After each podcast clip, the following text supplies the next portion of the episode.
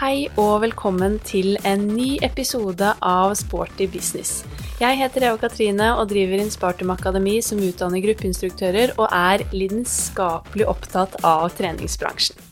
Jeg håper alle dere som eh, hører på nå endelig er i gang og får lov til å holde gruppetimer, PT-timer og ikke minst bare være tilbake blant kollegaer på den fantastiske arbeidsplassen som alle vi har i treningsbransjen.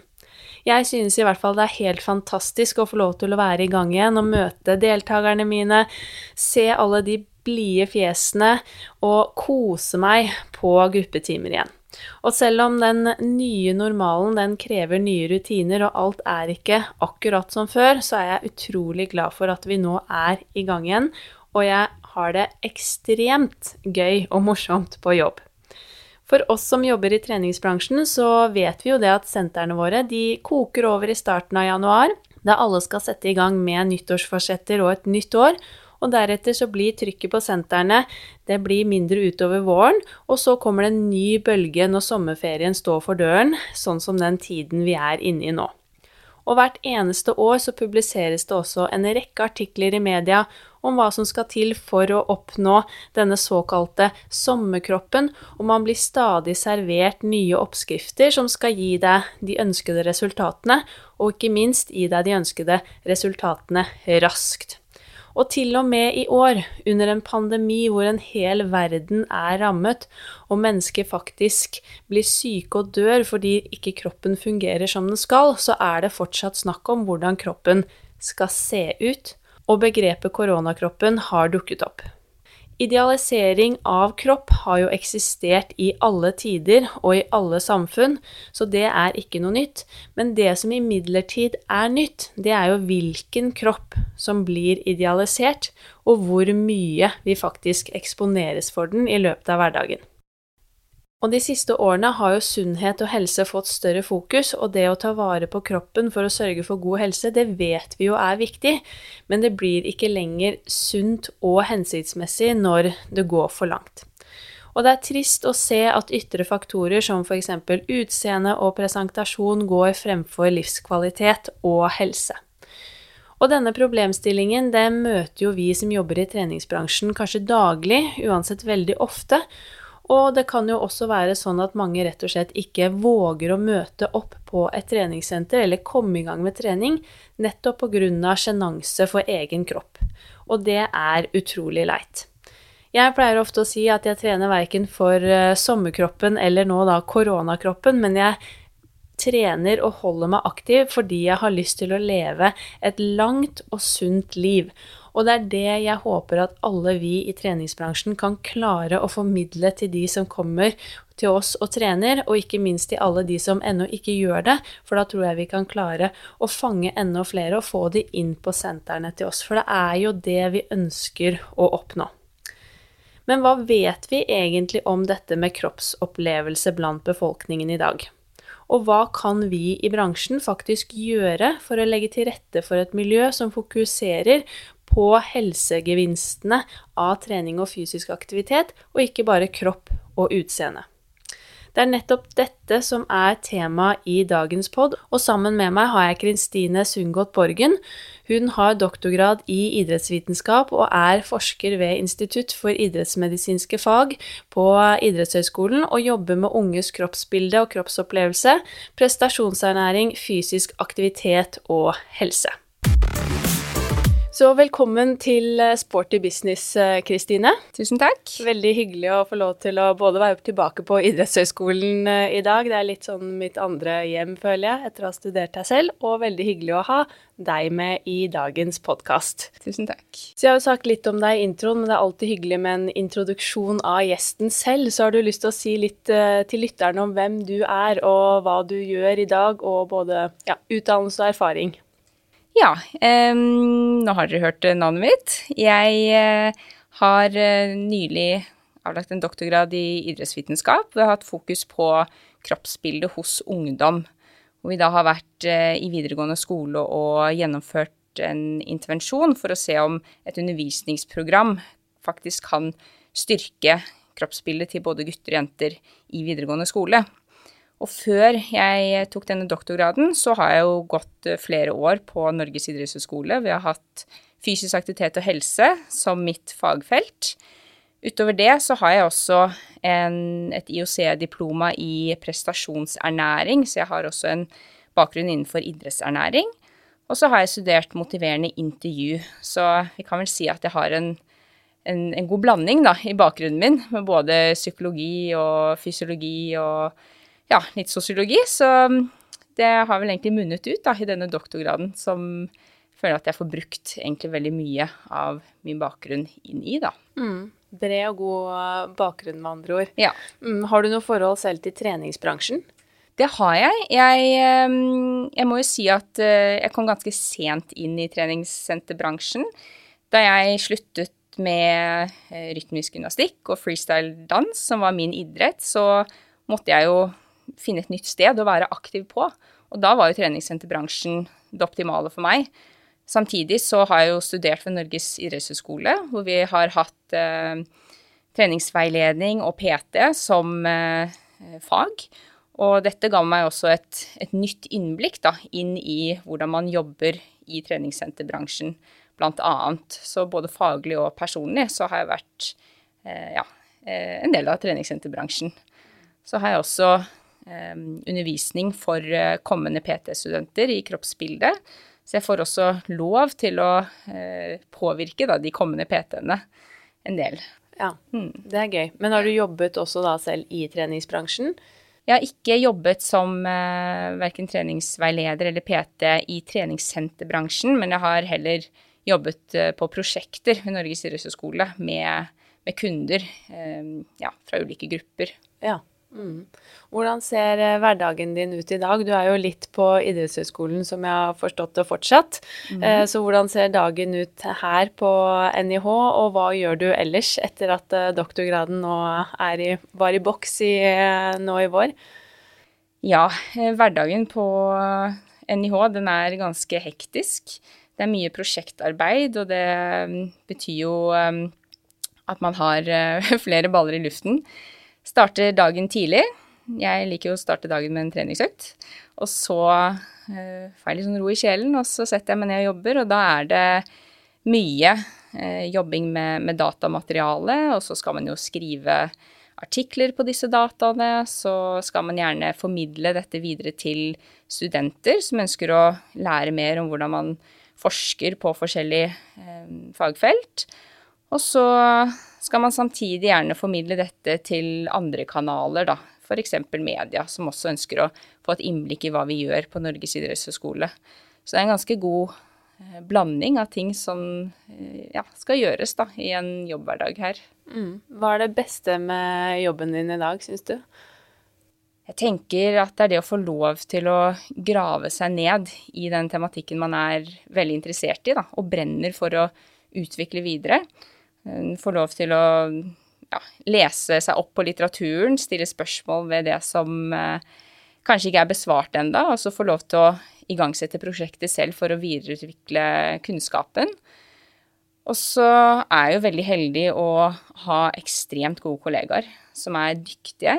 Så vi har et uh, veldig, veldig godt jobbmiljø på Norges idrettshøgskole og på Institutt for idrettsmedisinske fag. Så um, jeg vil si det er en kombinasjon av det å få lov til å jobbe med utrolig dyktige, men, men gode mennesker, og få lov til å virkelig bare utvikle seg innenfor det man, man brenner for. Mm, ja, det skjønner jeg veldig godt. Mm. jeg syns jo det er eh, Jeg var noe av det beste bare når jeg skrev masteren min selv på idrettshøyskolen. Nettopp det å kunne fordype seg i det man syns er interessant, men også kunne lære enda mer og forhåpentligvis bidra. Og også kunne bidra til um, andre i samfunnet, og da spesielt treningsbransjen, som jeg også hadde fokus på. Men jeg er jo veldig nysgjerrig da på denne doktorgraden og forskningsstudiet ditt, for vi skal jo snakke om kroppsopplevelse og kroppspress i dag. Det er dagens tema. Og du har jo gjort en doktorgrad da med nettopp tittelen 'Sunn kroppsopplevelse'. Kan ikke du ta oss uh, gjennom det prosjektet, litt sånn fra start til slutt? Og selvfølgelig, det mest interessante er jo hva satt dere igjen med, og hva fant dere ut av? Mm. Dette er jo da um, et forskningsprosjekt som har til hensikt å evaluere om et undervisningsprogram i videregående skole faktisk kan fremme et positivt kroppsbilde hos både gutter og jenter. Og også forebygge spiseforstyrrelser. Og så har jeg sett på den delen av prosjektet som eh, ser på dette med positivt kroppsbilde. Og da har vi eh, inkludert 30 videregående skoler, hvor vi har delt disse skolene i to. Og så har halvparten av skolene fått denne eksponeringen. Altså de har eh, gitt elevene mulighet til å få undervisning knyttet til ulik tematikk som, som påvirker kroppsbildet. Så vi har møtt eh, disse skoleelevene tre ganger 90 minutter. Og vi har kommet inn i klasserommene deres, og vi har snakket om bruk av sosiale medier, vi har snakket om kosthold, om trening, om selvfølelse, sammenligning, rett og slett hvordan skal ungdommen eh, forholde seg da, til det samfunnet de lever i i dag, som har et veldig stort fokus på utseende, og så klart også hvordan de skal håndtere familiemedlemmer, venner, eh, lærere, besteforeldre osv. Med tanke på å rett og slett ruste seg opp til å kommunisere, være et, et godt medmenneske i dette samfunnet her for å sørge for at man eh, selv også klarer å vedlikeholde kroppsbildet sitt, men også i forhold til å ta hensyn til andre og hvordan man selv kan være med på å bidra inn eh, mot et godt miljø, da, som er mer eh, positivt for kroppsbildet, hvis man kan si det sånn. Ja. Det er ganske komplekst, da. Mm. Um, og da er det slik at vi har testet um, alle ungdommene, eh, både disse elevene som har fått denne intervensjonen, og de som ikke har fått intervensjonen, rett før vi satte i gang, rett etter vi var ferdig å ha all undervisningen, og tre måneder og tolv måneder etterpå. For å se om det er noen endringer i hvordan de selv oppfatter seg selv, og hva de syns om kroppen sin, da. Mm. Og det vi fant, det var at de eh, guttene og jentene som hadde fått denne undervisningen, hvor de på en måte lærte seg teknikker for å håndtere eh, ulike ting enda bedre, det var at de opplevde å ha et bedre forhold til kroppen sin etter denne intervensjonen, sett i sammenheng med de elevene som ikke hadde fått intervensjonen, så ser det ut til at denne, dette undervisningsopplegget faktisk har en positiv effekt. Mm. Mm. Det er jo fantastisk. Ja, det er det. jeg tenker at det er jo altså kunnskap er jo ofte nøkkelen eh, for å lykkes, nettopp for at man lærer mer om det. Og jeg regner jo med at dere også da vektla helsegevinst fremfor de ytre faktorene mm. når dere underviste disse elevene. Hvor langt var det dette forskningsprosjektet var? Hvor lenge hadde dere kontakt med de? Vi hadde kontakt med eh, intervensjonselevene i tre måneder. Så vi møtte de tre ganger, og så var det litt tid mellom hver gang vi møtte de, for at de skulle få lov til å bearbeide det vi hadde diskutert med de, og ja, klare å, å ta tak i disse teknikkene vi lærte de i sin egen hverdag. Slik at de utviklet seg litt for hver gang, da, eh, mm. og kanskje hadde spørsmål til neste gang vi kom. Så vi hadde jo kontakt med elevene fra type eh, august til desember. Ja. Og det gjaldt jo også disse kontrollelevene, de elevene som ikke fikk noe intervensjon, fordi vi kom stadig vekk tilbake til skolen for å forberede de på at de kom til å få et spørreskjema eh, som de ble bedt om å fylle ut. Så vi hadde, vi hadde kontakt med elevene i flere måneder. Ja. Mm. Men vet du, er det gjort lignende studier tidligere, eller hva sier forskningen generelt knyttet til dette med kroppsopplevelse? Det er gjort eh, forskning tidligere, eh, men først og fremst i utlandet, i USA og i Storbritannia og Australia, hvor eh, forskningen først og fremst har sett på litt yngre aldersgrupper. Og det er ikke fokusert like mye på det kroppsidealet som vi i Skandinavia mener at har fått en oppblomstring de siste årene. Og fokuset har vært veldig mye på jenter. Så det som er annerledes med vårt prosjekt, det er at vi har inkludert mer fokus på eh, denne bølgen av eh, helsefokus og fokus på den atletiske, trente kroppen, og at man skal være så innmari, innmari sunn. Fordi vi ser at for mange ungdom i Norge i dag, så er det en stressor, altså en stressfaktor. De skal, opp, skal presentere seg selv som så innmari sunne på alle mulige måter, og først og fremst se ut som de lever en, et sunt liv. Um, slik at vi har fokusert mer på hvordan de skal håndtere eh, livsstilsrelatert informasjon på sosiale medier. Eh, influensere som forteller dem hva de skal og ikke skal spise, hvordan de skal og ikke skal trene for å få et visst eh, kroppslig utseende. Mm. Vi har ikke fokusert bare på disse tynne, tynne modellene og disse ekstremt svære, muskuløse mannekroppene som kanskje tidligere har fått fokus før. Fordi det ser ikke ut som at det er den største utfordringen blant norsk ungdom i dag.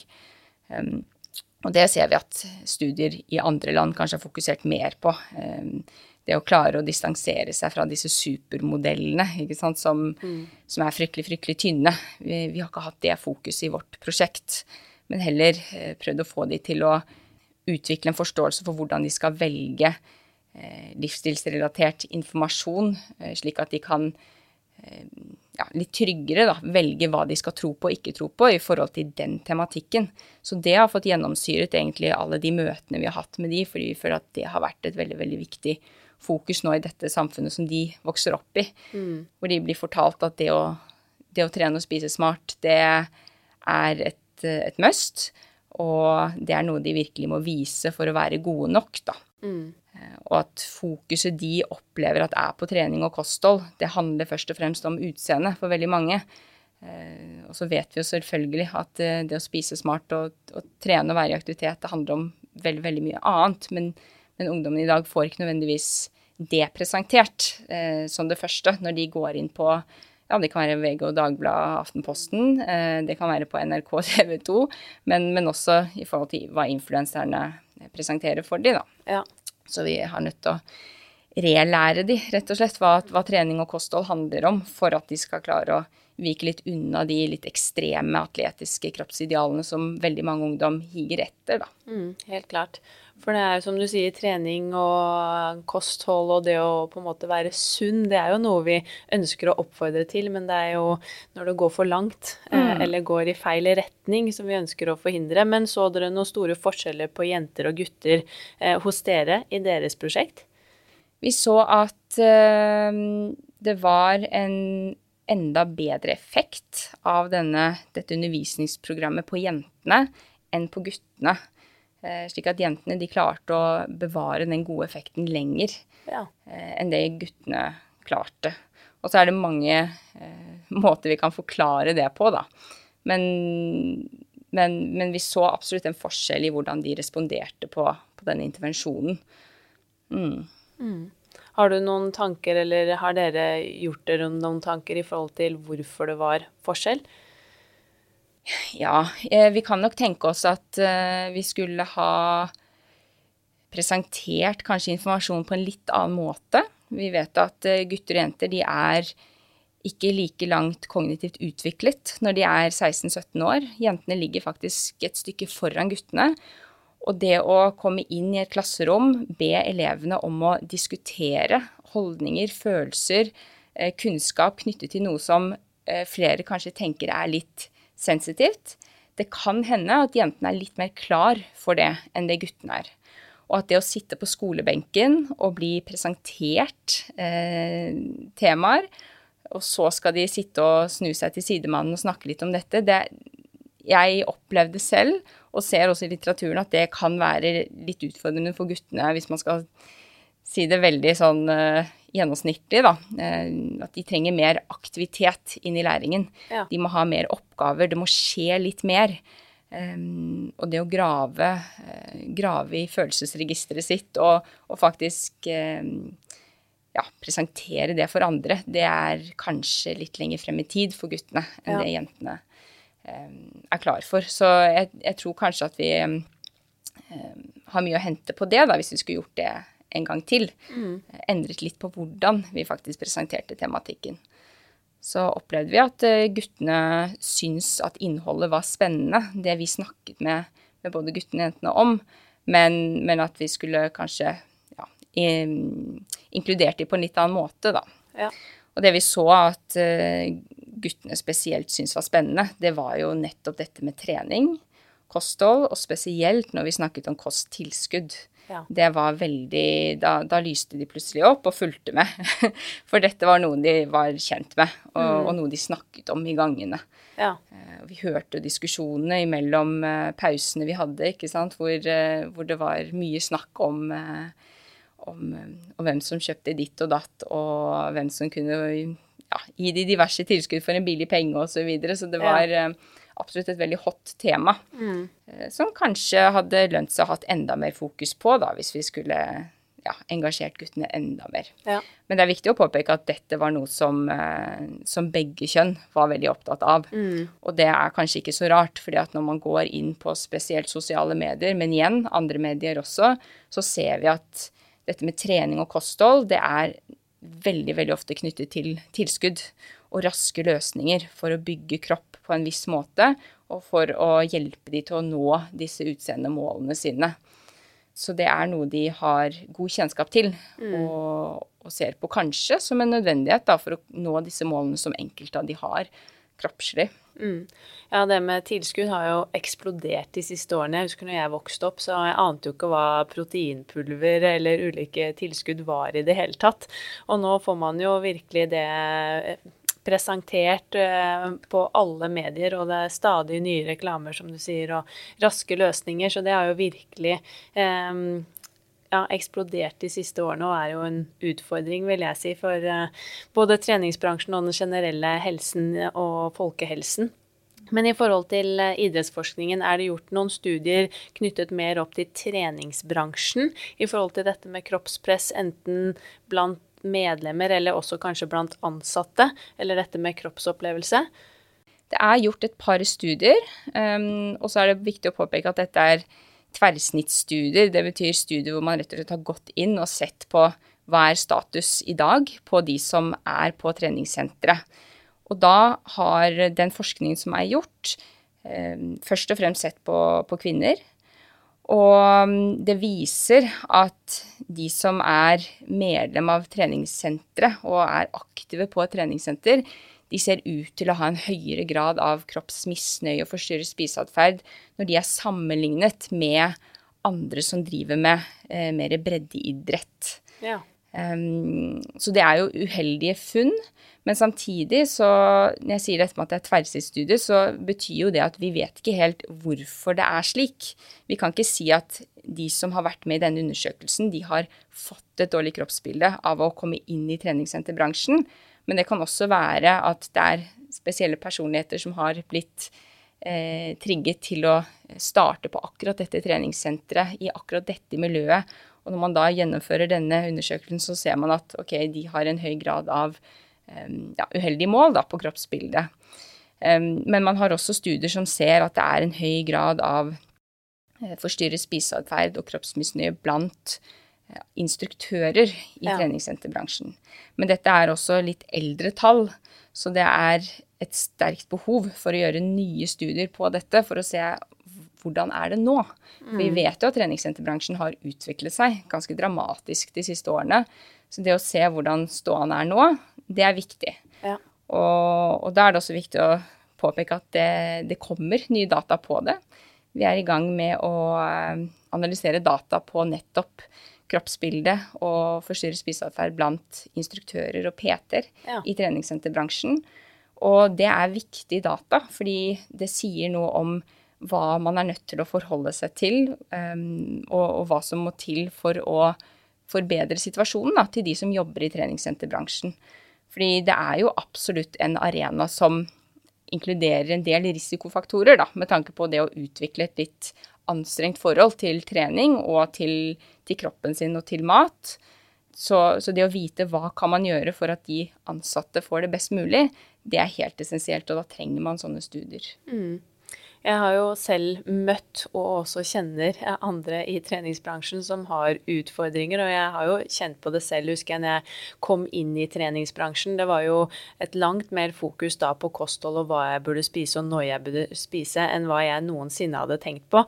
Har vokst opp med ja, variert og sunn mat og drevet med fotball og dans og ridning og breddeidrett på den måten, og jeg merket jo ganske raskt at det var et annet miljø med en gang jeg selv også kom inn i treningsbransjen treningsbransjen. Så det tror jeg, som du sier, der er det jo viktig også og flott om vi hadde fått enda mer kunnskap og enda mer forskning. For jeg tror det er mange som syns det kan være utfordrende og man føler kanskje at man må passe inn i en spesiell rolle eller i en spesiell setting når man jobber i treningsbransjen. Så vi har jo de ansatte, og så er det jo selvfølgelig alle medlemmene våre. Og som du sier, den forskningen vi har per i dag, viser at det kan være mye fokus på ytre faktorer, både for motiver for å trene, eller at det er det de fokuserer på når, når de er der.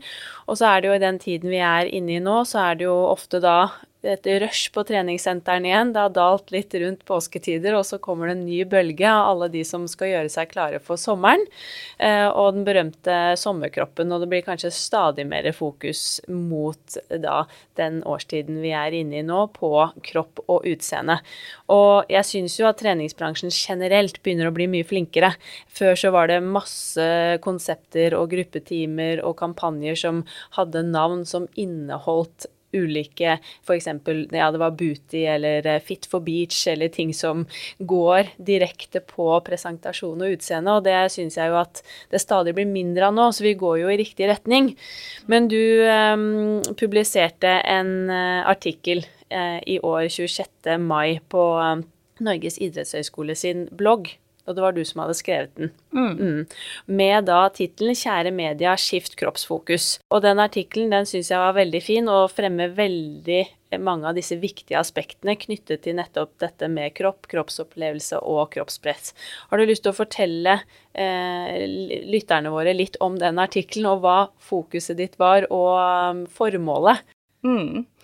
Ja, denne artikkelen eh ja, brant jeg veldig for å skrive, fordi at uh, jeg opplever at ikke bare jeg, men egentlig alle fagpersoner som jobber med fysisk aktivitet, trening, vi, uh, vi går rundt med en klump i magen uh, i forhold til at media altfor stor grad fremmer trening, aktivitet, kun som et virkemiddel for å endre på det kroppslige utseendet. Og det gjør noe med Ola Nordmanns holdning til hva trening faktisk handler om, og hva det kan bety da, for enkeltpersoner. Fordi at når man stadig vekk får se at uh, man skal gjøre den og den type treningen for å endre på rumpefasongen, ikke funksjonen, og hvordan man skal gjøre sånn og sånn for å forbrenne mest mulig fett, ikke å komme i bedre form, så er det med på å styre de målsetningene som folk flest Eh, forbinder med viktig, eh, som viktig i forhold til trening. Og, og, det er også målsetninger som mange kommer inn med når de melder seg inn i et treningssenter, og kanskje kan være med på å styre også hva de ber en kommende PT om å hjelpe de med. De, de, forstår at uh, trening handler om å endre på kroppens utseende, eller de skal fokusere på vektreduksjon osv., og, så og så er det den oppgaven som PT-en får. Um, så så det mediefokuset eh, knyttet til kroppens utseende, det er ekstremt uheldig for eh, den generelle befolkningen, fordi det styrer eh, det inntrykket folk flest har av hva en, en sunn livsstil faktisk handler om, da. Og når man tenker på de ungdommene som faktisk vokser opp i det samfunnet med det fokuset, så er det ganske vanskelig for en 16-åring å forstå at det å bevege seg, det å leke ute, drive med idrett, være på treningssentre og ta knebøy eller ta biceps curl eller hva de har lyst til å gjøre, det, det er med på å gi de så mange gevinster på så mange ulike områder. Um, og, og, og, det kunne vært med på å Eller å ha et annet fokus, da. Det ville kunne bidra til å eh, skape en større bredde da, i de målsetningene og motivene for trening som folk flest har. Og det vet vi at det er viktig, for hvis folk får et veldig ensidig fokus på hva de skal få ut av treningen, og de ikke når disse målsetningene, så vil jo motivasjonen for trening stagnere. Og det er uheldig, fordi vi vil jo at eh, folk flest skal eh, starte å være aktive og fortsette å være aktive, og da er de nødt til å se en litt større bredde av hva de faktisk får ut av en treningsøkt, eller av det å være eh, i aktivitet i lett intensitet eller moderat intensitet. Så mm, vi vet jo at medias eh, presentasjoner av ulik tematikk det har en stor innflytelse på samfunnsdebatten og hva folk flest fokuserer på i hverdagen sin. Og det vil jo også da inkludere det fokuset media legger i trening. Så hvis vi hadde klart å vri fokuset eh, i forhold til hva som blir presentert i media, så er det ganske stor sannsynlighet for at det blir smittet over til leserne og følgerne, og kanskje gitt et mer helsefremmende fokus på trening og, og fysisk aktivitet. Mm.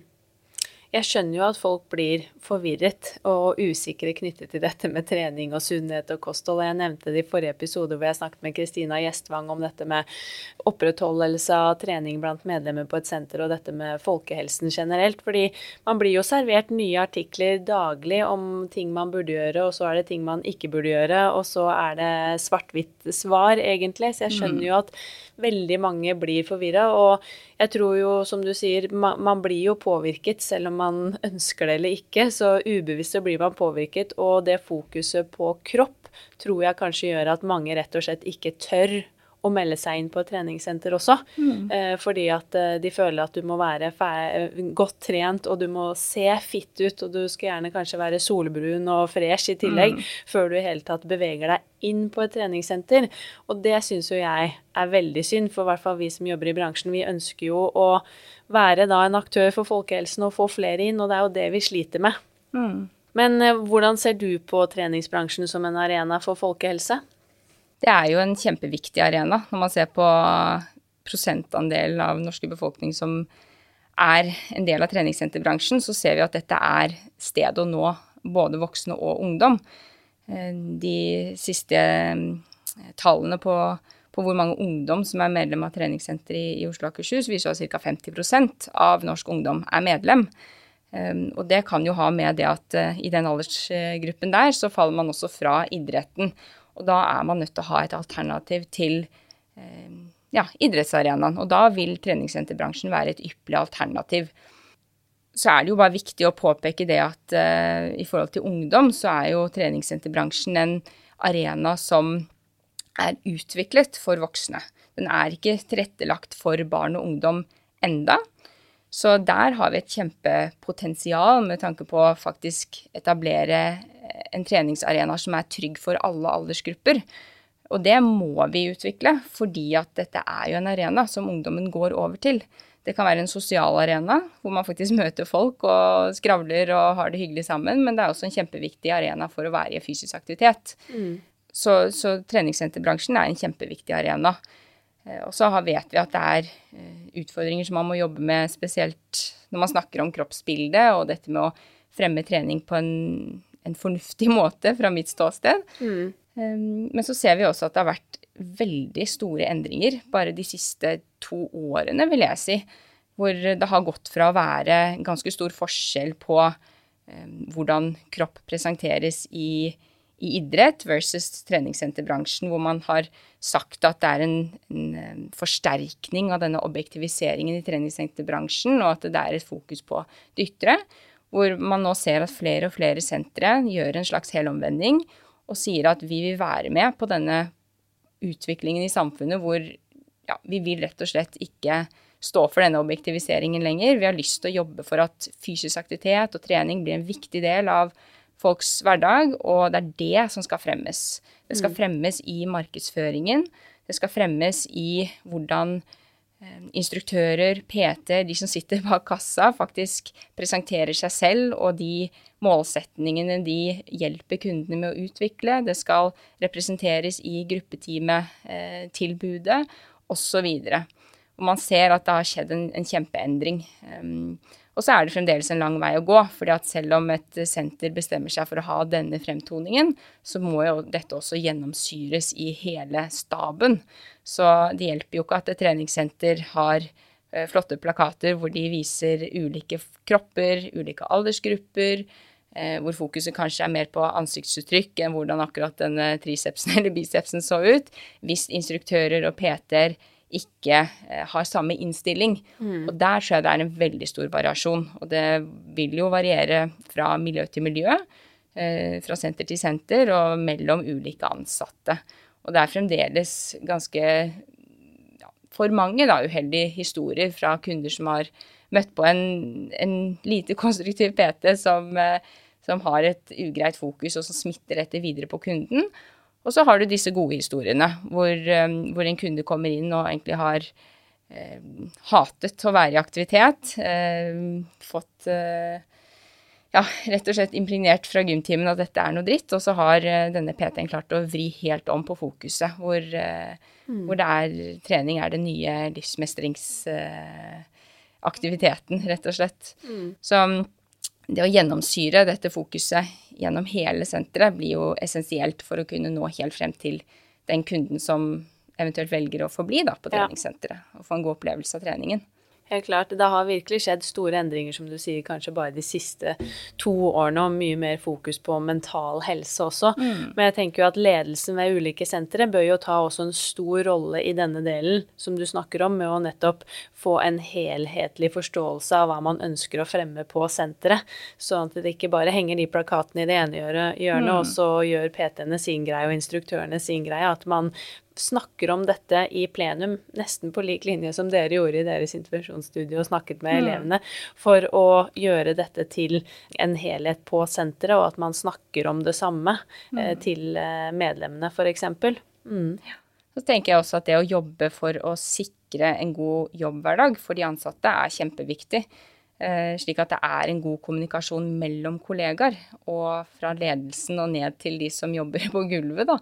Eh, slik at de som er ansatt i et treningssenter, faktisk har en så god som mulig kroppsopplevelse selv. Mm. Fordi vi vet jo at den opplevelsen man har av sin egen kropp, den har en tendens til å smitte over på andre.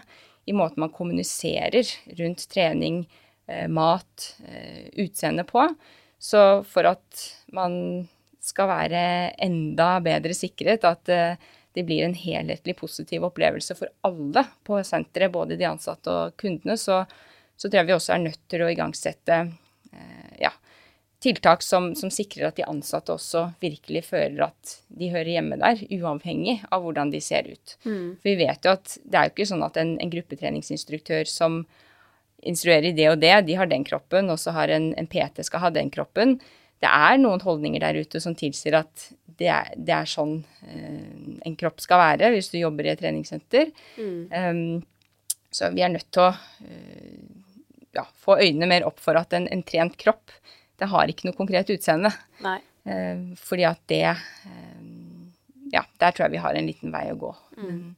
Så vet vi at ved Norges idrettshøgskole så har de jo inkludert kroppsbildet som en del av undervisningen til kommende PT-er. Mm. Og det tror jeg er kjempeviktig, for det er med på å ruste de eh, i forkant av at de trer inn i treningssenterbransjen og, ja, og blir påvirket, eller påvirker selv, da. Mm. Slik at de faktisk eh, forstår hva er det kroppsbildet handler om, hva er det som påvirker kroppsbildet vårt, og hvordan kan vi selv som PT-er faktisk positivt da, påvirke både våre kollegaer, men også de som vi skal trene etter hvert. Mm. Slik at de kommer inn i jobbsituasjonen med, med veldig positive forutsetninger for å bidra i dette løftet, da, hvis vi skal kalle det det. Absolutt.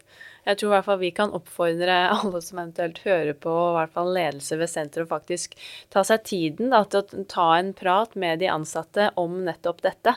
Og jeg tror kanskje mange syns at kanskje det er litt ubehagelig å snakke om, eller man tenker at ja, men det er ikke et problem på mitt senter. Og så er det mange som går rundt og bærer på litt uh, ulike tanker og utfordringer knyttet til at uh, det ikke er bra nok, eller at de ikke spiser det samme som kollegaen, eller er like disiplinerte. Så jeg vil i hvert fall oppfordre alle til å ta tak i det på senteret, og det er bedre å snakke om det en gang for mye enn en gang for lite også. Men det har jo oppstått ulike debatter også de siste årene i treningsbransjen knyttet til dette med kropp. Og det siste var jo en stor debatt i fjor bl.a. om dette med mm, kleskode på treningssentrene og dette mm. singletforbudet som mange har hauset seg oppover. Hva tenker du om det? Skal vi få lov til å trene i hva vi vil? Jeg tenker at det er fornuftig å ha visse eh, retningslinjer. Og noen viser jo til hygieneutfordringen i forhold til det at noen bruker ekstremt lite klær. Men så vet vi også at uh, det kan ha en, en gunstig effekt at man, at man, dekker til i hvert fall noen deler av kroppen med tanke på det å ikke eksponere alle for altfor mye hud, da. Og det høres utrolig gammeldags ut og konservativt ut, men, men hvis vi ser til forskning, så vet vi at det å bli eksponert regelmessig for veldig lettkledde kropper som eh, også da spesielt da er veldig definerte, eh, det er uheldig for, for, gjennomsnittet. Så vet vi at ikke alle blir negativt påvirket av dette, men hvis vi skal tenke på den gjennomsnittlige medlemsmassen, så vil det gagne de fleste at man har noen restriksjoner. Og det er jo eh, slik Det var en student som sa det så veldig fint. Eh, på sosiale medier så kan du velge hvem du skal unfollowe, fordi at du merker at ok, dette, denne måten å vise frem kroppen på, det, det, er ikke greit for meg å se på, fordi jeg selv kjenner at jeg ja, får ugreie tanker om min egen kropp, eller begynner å sammenligne meg selv osv. Men du kan ikke unfollowe på treningssenter. Du kan ikke velge hvem du ser og ikke ser på treningssenter. Du, du må bli eksponert for alt som er der. Og hvis det da er slik at det er en tendens til eh, litt mer ekstreme eh, kleskoder på det treningssenteret, så, så, vil det kunne ha en påvirkning på om eh, ja, hvordan enkelte andre medlemmer opplever seg selv, eh, men også om denne, dette medlemmet velger å gå over til et annet treningssenter fordi at den eksponeringen av den, disse typer kroppene blir litt for mye, da. Mm. Jeg tenker at hvis man skal ta hensyn til, til flertallet, da, så, ja. så, vil det kunne være gunstig å ha en viss eh, regel for hvordan man kler seg. Og det er jo ikke snakk om å ta på seg eh, en burka, som noen har prestert å, å, si i sosiale medier, eller å ta på seg en boblejakke og, og skibukse. Det er snakk om å ha en, en, litt, en singlet med litt uh, tykkere remmer uh, istedenfor å vise mage og kløft og, og rumpeballer. Mm. Så jeg tenker at hvis man tenker litt fornuftig, så er det ikke så skadelig å bare kle på seg bitte litt mer. Og så kan man jo tenke seg hva er, hva er grunnen da til at man skal absolutt ha på seg så innmari lite klær. Ja. Det er det samme som jeg ser noen som ja, kommer da i sports-BH f.eks. på senter, mm. eller også kommer på gruppetime med meg, hvor jeg da må si fra. Mm. For det er jo selvfølgelig ikke da en av våre kleskoder der jeg jobber, men eh, som da kommer i sports-BH, og det kan være jo midt på vinteren i tillegg, men i, uansett, vi er i Norge og vi er inne, mm. så det er jo ikke så fryktelig varmt heller at du, mm. at du ikke kan ha på deg en singlet utenpå der igjen. Sånn at eh, det er som du sier, sunn fornuft og ja, ta på deg det jeg vil egentlig klassifisere som vanlige treningsklær. Og det er jo ikke noe nytt. For, for, flere år siden så var det ikke greit å gå med singlet på treningssentrene heller. Men så har eh, ja, det har jo bransjen som utvikler treningsklær, virkelig endret seg. Og man har utviklet eh, kanskje litt mer sånn objektiviserende treningsklær med tiden. Så, så, at man er nødt til å kanskje gå tilbake litt mer da, til, til, hvordan ting var før, eh, er kanskje noe treningssenterbransjen ser, ser, seg nødt til, med tanke på den utfordringen vi har nå. Og det er jo bare jeg tenker Disse kleskodene viser jo bare at treningssenterbransjen følger med i samfunnsdebatten og ser at ok, vi har fått nye utfordringer. Det er vi nødt til å ta tak i nå. og Det med kleskode kan være én måte å forebygge at våre kunder velger mm. å melde seg ut fordi de ikke orker eh, den presentasjonen folk har ja. av kropp da, på treningssenteret. Og, og, den underbyggelsen av at det er utseendet som, som, det handler om når de er og trener. Og det kan være skremmende for nye å komme inn mm. i det, hvis man mm. ikke føler at man passer inn i, mm. inn i det miljøet. Eh, men i den artikkelen du skrev da for uh, Idrettshøgskolen nå i mai, så syns jeg du, det, det, du, skrev det så fint uh, at du ønsket at vi skulle ha et forfriskende og helsefremmende fokus på trening. Mm. Og det er jo nettopp det vi ønsker. Men sånn avslutningsvis, hva tenker du, basert både på idrettsforskningen, men også egne tanker og erfaringer at vi i treningsbransjen kan gjøre bedre for å nettopp fremme dette fokuset? Har du noen tips og råd?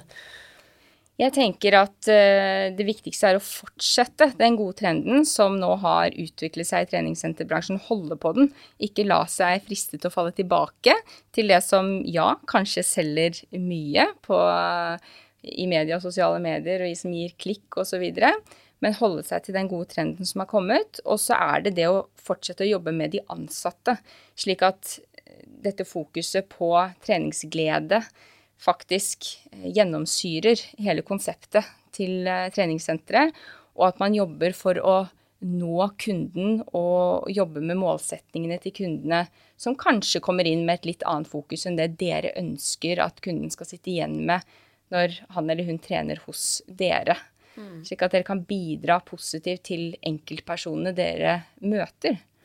Mm, absolutt. Det var som jeg snakket med Kristina forrige episode også om, at vi snakket om dette med at de som jobber på senteret også bør utvikle det vi kaller da myke ferdigheter og coaching og det å se hver enkelt. Og da tenker jeg det handler jo om akkurat det samme. Idet de kommer på senteret og spør etter hva er det de har lyst til å få ut av treningen rent følelsesmessig, hva er det de har lyst til å oppleve, hva er det de har lyst til å mestre og lære, eh, fremfor å kanskje stille de mer klassiske spørsmålene som også med en gang gir et svar om at de vil gå ned i vekt, eller de vil se sånn og sånn ut, eller de vil gjøre seg klar for sommeren, f.eks. Mm.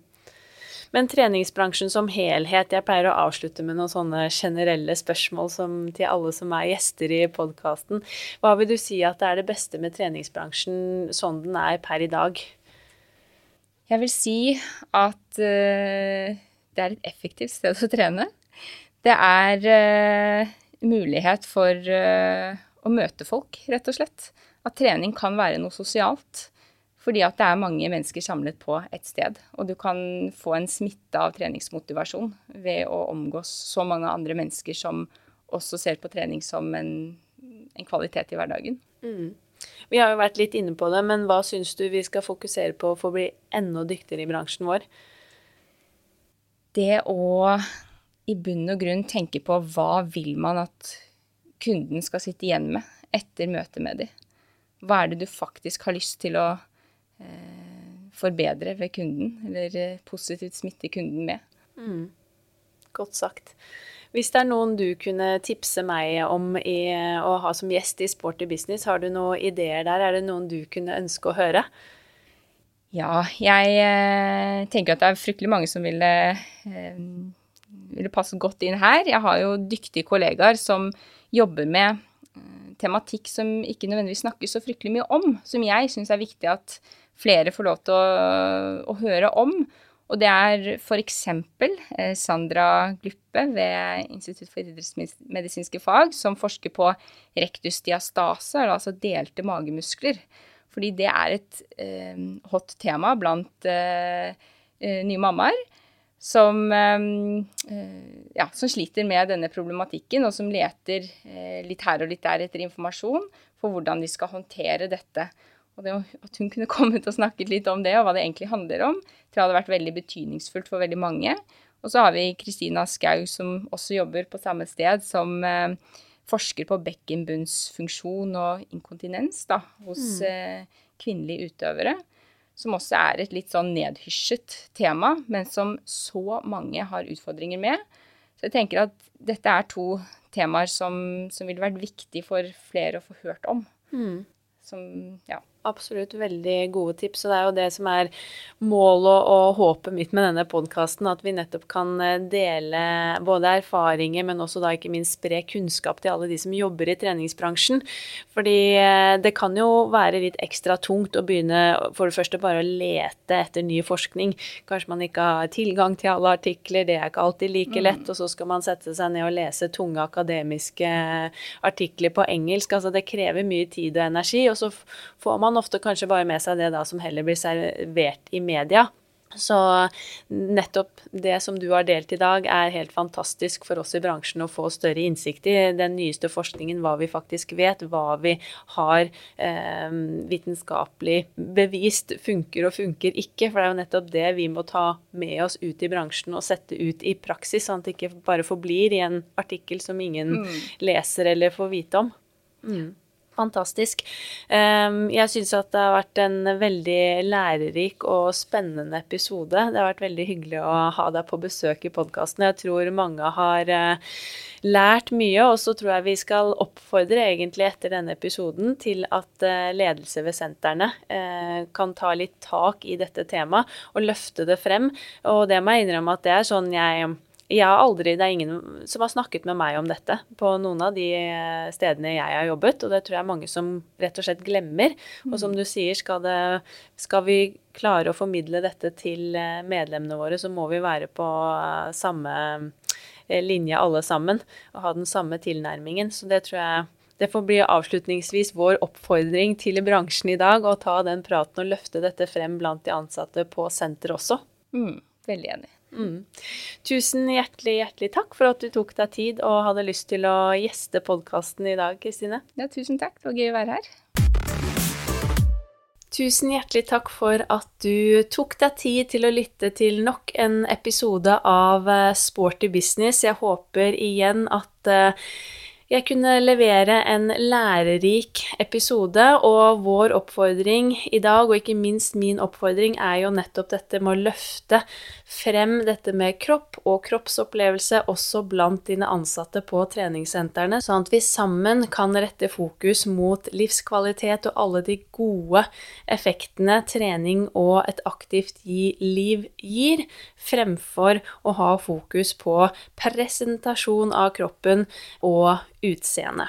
Så jeg håper at dere tar det med dere fra dagens eh, episode, og kanskje starte den nye den nye treningshøsten med å ta en samling med de ansatte og nettopp snakke om dette, og hvordan dere kan jobbe aktivt med å fremme gode kvaliteter av trening på deres treningssenter til medlemmene. Jeg blir superglad hvis dere vil uh, følge oss på Instagram, kontoen at sportybusinesspodkast.